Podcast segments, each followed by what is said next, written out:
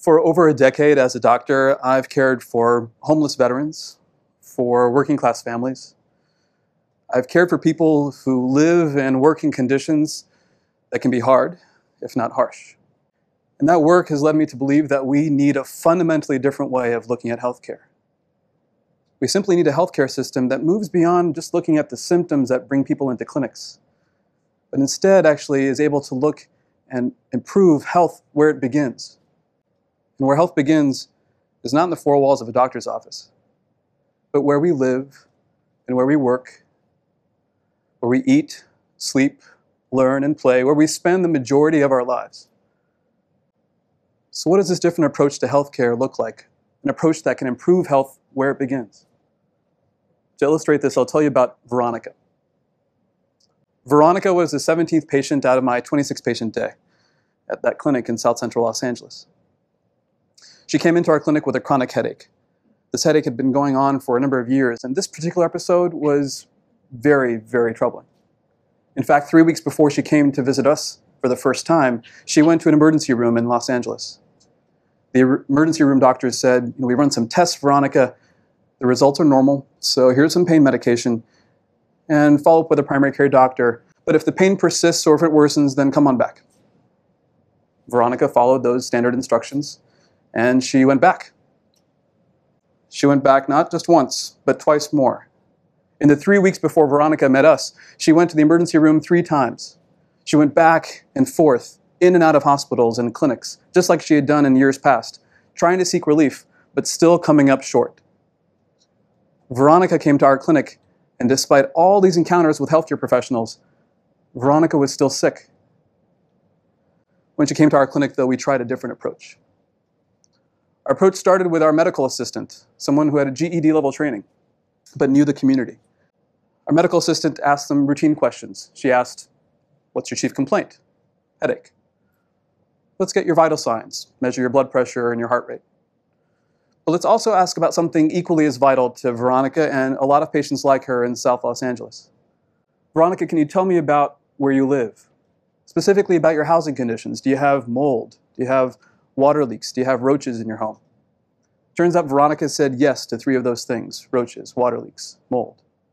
I received that chart in hand, reviewed it, I turned the handle on the door and I entered the room. You should understand that Veronica, like a lot of patients that I have the privilege of caring for, is a dignified person, a formidable presence, a personality that's larger than life. But here she was, doubled over in pain, sitting on my exam table. Her head, clearly throbbing, was resting in her hands. She lifted her head up, and I saw her face. I said, hello. And then I immediately noticed something across the bridge of her nose, a crease in her skin. In medicine, we call that crease the allergic salute. It's usually seen among children who have chronic allergies. It comes from chronically rubbing one's nose up and down, trying to get rid of those allergy symptoms. And yet, here was Veronica, a grown woman, with the same telltale sign of allergies. A few minutes later, in asking Veronica some questions, in examining her and listening to her, I said, Veronica, I think I know what you have. I think you have chronic allergies. I think you have migraine headaches and some sinus congestion. And I think all of those are related to where you live.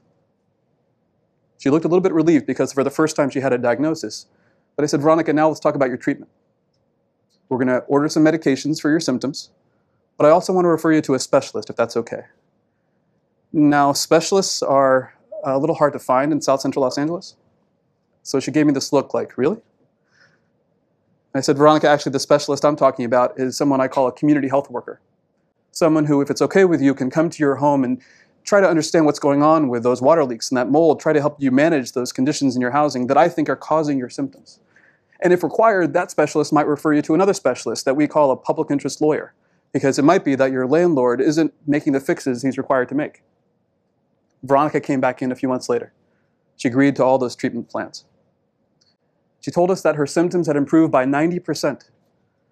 She was spending more time at work and with her family, and less time shuttling back and forth between the emergency rooms of Los Angeles. Veronica had improved remarkably. Her sons, one of whom had asthma, was no longer as sick as they used to be. She had gotten better, and not coincidentally, Veronica's home was better too. What was it about this different approach that we tried that led to better care, fewer visits to the ER, better health. Well, quite simply, it started with that question Veronica, where do you live?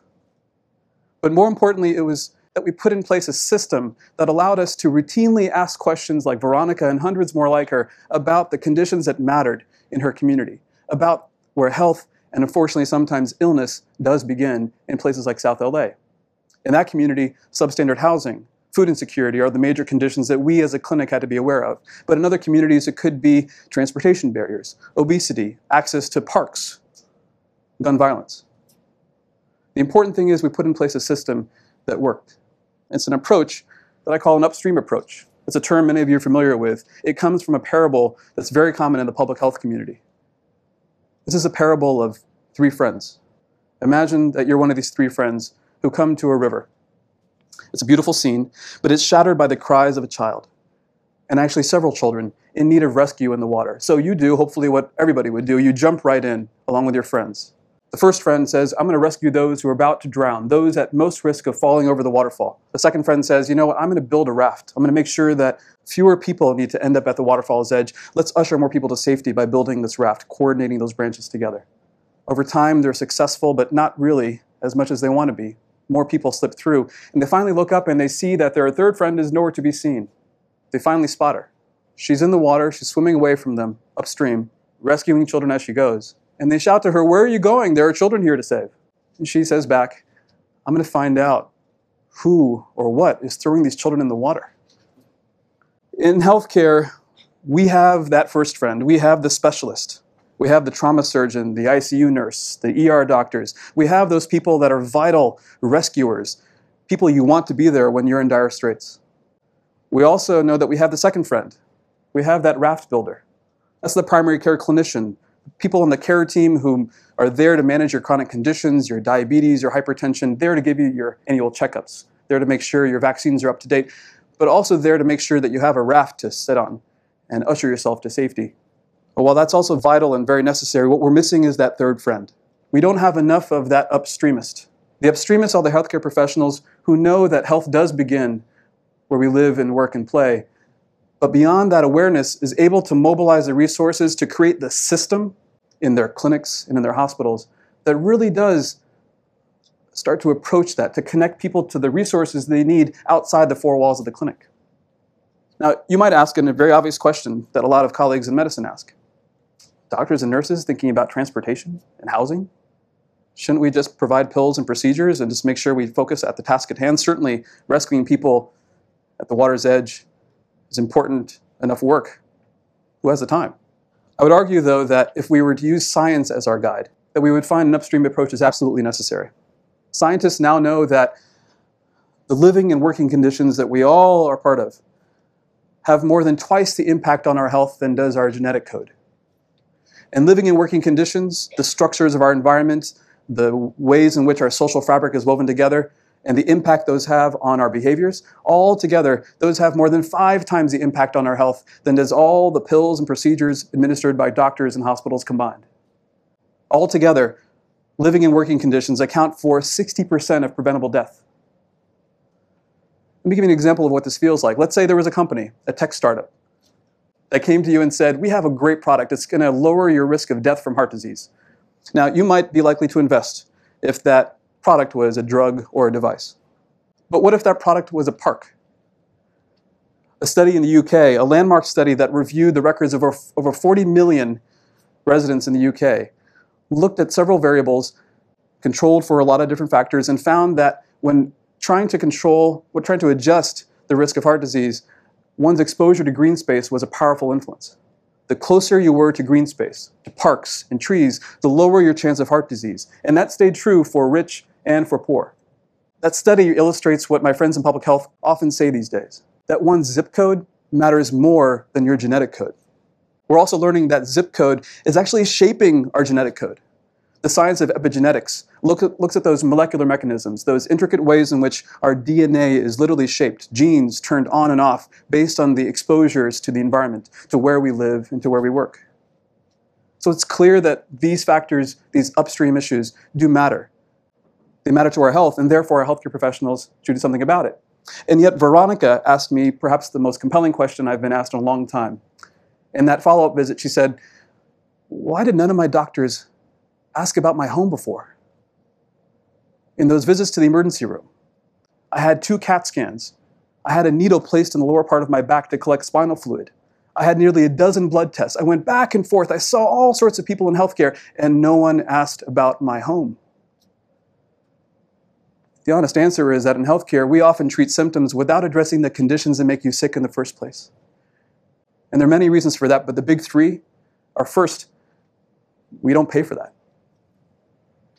In healthcare, we often pay for volume and not value. We pay doctors and hospitals usually for the number of services they provide, but not necessarily on how healthy they make you. That leads to a second phenomenon that I call the don't ask, don't tell approach to upstream issues in healthcare. We don't ask about where you live and where you work because if there's a problem there, we don't know what to tell you. It's not that doctors don't know these are important issues. In a recent survey done in the US among physicians, over 1,000 physicians 80% of them actually said that they know that their patients' upstream problems are as important as their health issues, as their medical problems. And yet, despite that widespread awareness of the importance of upstream issues, only one in five doctors said they had any sense of confidence to address those issues, to improve health where it begins. There's this gap between knowing that patients' lives, the context of where they live and work matters, and the ability to do something about it in the systems in which we work. This is a, a huge problem right now. Because it leads then to this next question, which is whose responsibility is it? And that brings me to that third point, that third answer to Veronica's compelling question. Part of the reason that we have this conundrum is because there are not nearly enough upstreamists in the healthcare system. There are not nearly enough of that third friend, that person who's going to find out who or what is throwing those kids in the water. Now, there are many upstreamists, and I've had the privilege of meeting many of them, in Los Angeles and in other parts of the country and around the world. And it's important to note that upstreamists sometimes are doctors, but they need not be. They can be nurses, other clinicians, care managers, social workers. It's not so important what specific degree upstreamists have at the end of their name. What's more important is that they all seem to share the same ability to implement a process that transforms their systems, transforms the way they practice medicine. That process is a quite simple process. It's one, two, and three.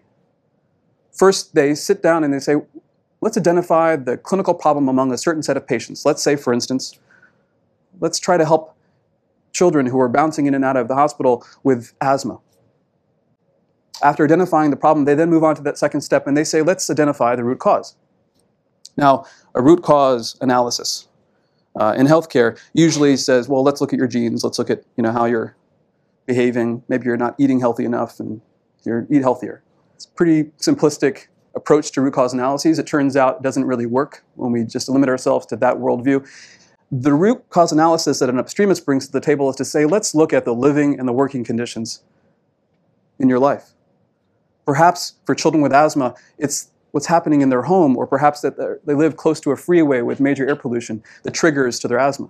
And perhaps that's what we should mobilize our resources to address, because that third element, that third part of the process, is that next critical part of what upstreamists do they mobilize the resources to create a solution, both within the clinical system and then by bringing in people from public health, from other sectors, lawyers, whoever is willing to play ball, let's bring in to create a solution that makes sense to take those patients who actually have clinical problems and address the root causes together by linking them to the resources you need. It's clear to me that there are so many stories of upstreamists who are doing remarkable things. The problem is that there's just not nearly enough of them out there.